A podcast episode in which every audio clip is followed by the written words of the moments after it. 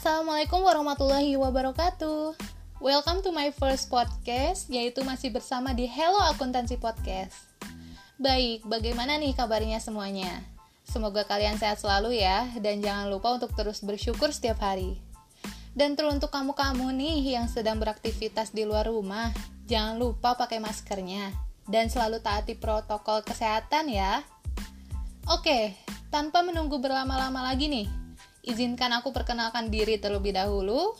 Nama aku Ingrid Berliana Claudia Siregar, mahasiswi jurusan Pendidikan Akuntansi Fakultas Pendidikan Ekonomi dan Bisnis, Universitas Pendidikan Indonesia. Di episode pertama ini, aku akan sharing-sharing nih tentang piutang wesel. Nah, apa itu piutang wesel? Piutang wesel atau yang dalam bahasa Inggris sering disebut sebagai promissory note receivable adalah sebuah aset piutang bagi sebuah perusahaan yang memiliki hak untuk menerima sejumlah pembayaran seperti yang tertera dalam dokumen dari perusahaan lain yang belum memiliki ketersediaan uang kas saat melakukan transaksi. Simpelnya nih, contoh saja, kalian membeli sebuah mobil secara kredit, maka nanti akan keluar sebuah dokumen yang harus ditandatangani. Nah, dokumen itu namanya wesel. Jadi nanti dari sudut pandang kalian sebagai pembeli, surat tersebut bisa disebut dengan wesel bayar. Nah, dari sudut pandang penjual mobil atau dealernya, surat tersebut bisa disebut wesel tagih.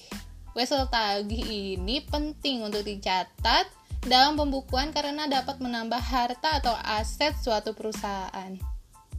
Oke, stop dulu sebelum kita lanjut.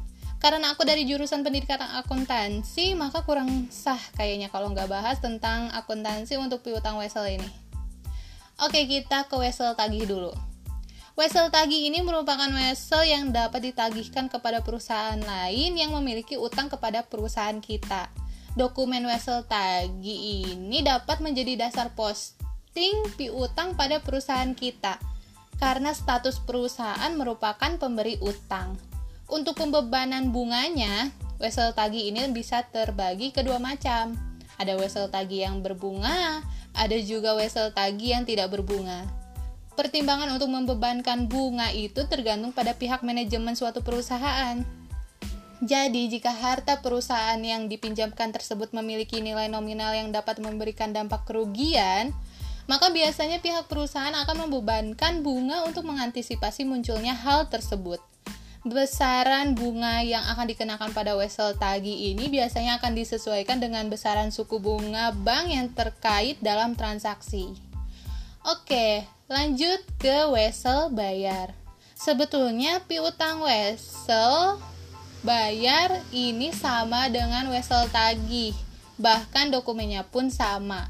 Perbedaan antara keduanya hanya terletak pada penerimaan wesel tersebut.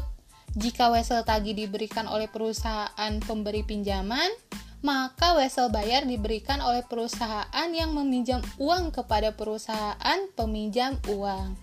Wesel bayar ini jika masa perjanjiannya akan dilunasi dalam jangka waktu kurang dari satu tahun, maka akan dimasukkan pada neraca saldo dengan nama akun kewajiban lancar. Namun jika pelunasannya lebih dari satu tahun, maka akan dilaporkan sebagai kewajiban jangka panjang. Saat wesel bayar mengalami jatuh tempo, ada kalanya suatu perusahaan yang berutang tidak dapat membayar tepat waktu. Jika hal tersebut terjadi, maka wesel tersebut dapat masuk dalam perkiraan utang dagang dan pihak penerima wesel bisa memberi beban tambahan berupa biaya administrasi. Nah, jadi dengan adanya piutang wesel ini, maka pihak perusahaan pemberi utang akan mendapatkan kepastian pencatatan laporan keuangan dan juga akan merasa aman memberikan pinjaman kepada perusahaan lain.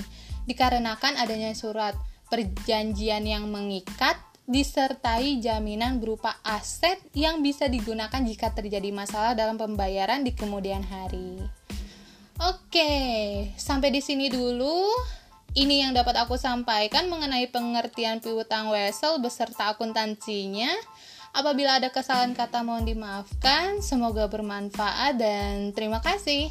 Wassalamualaikum warahmatullahi wabarakatuh.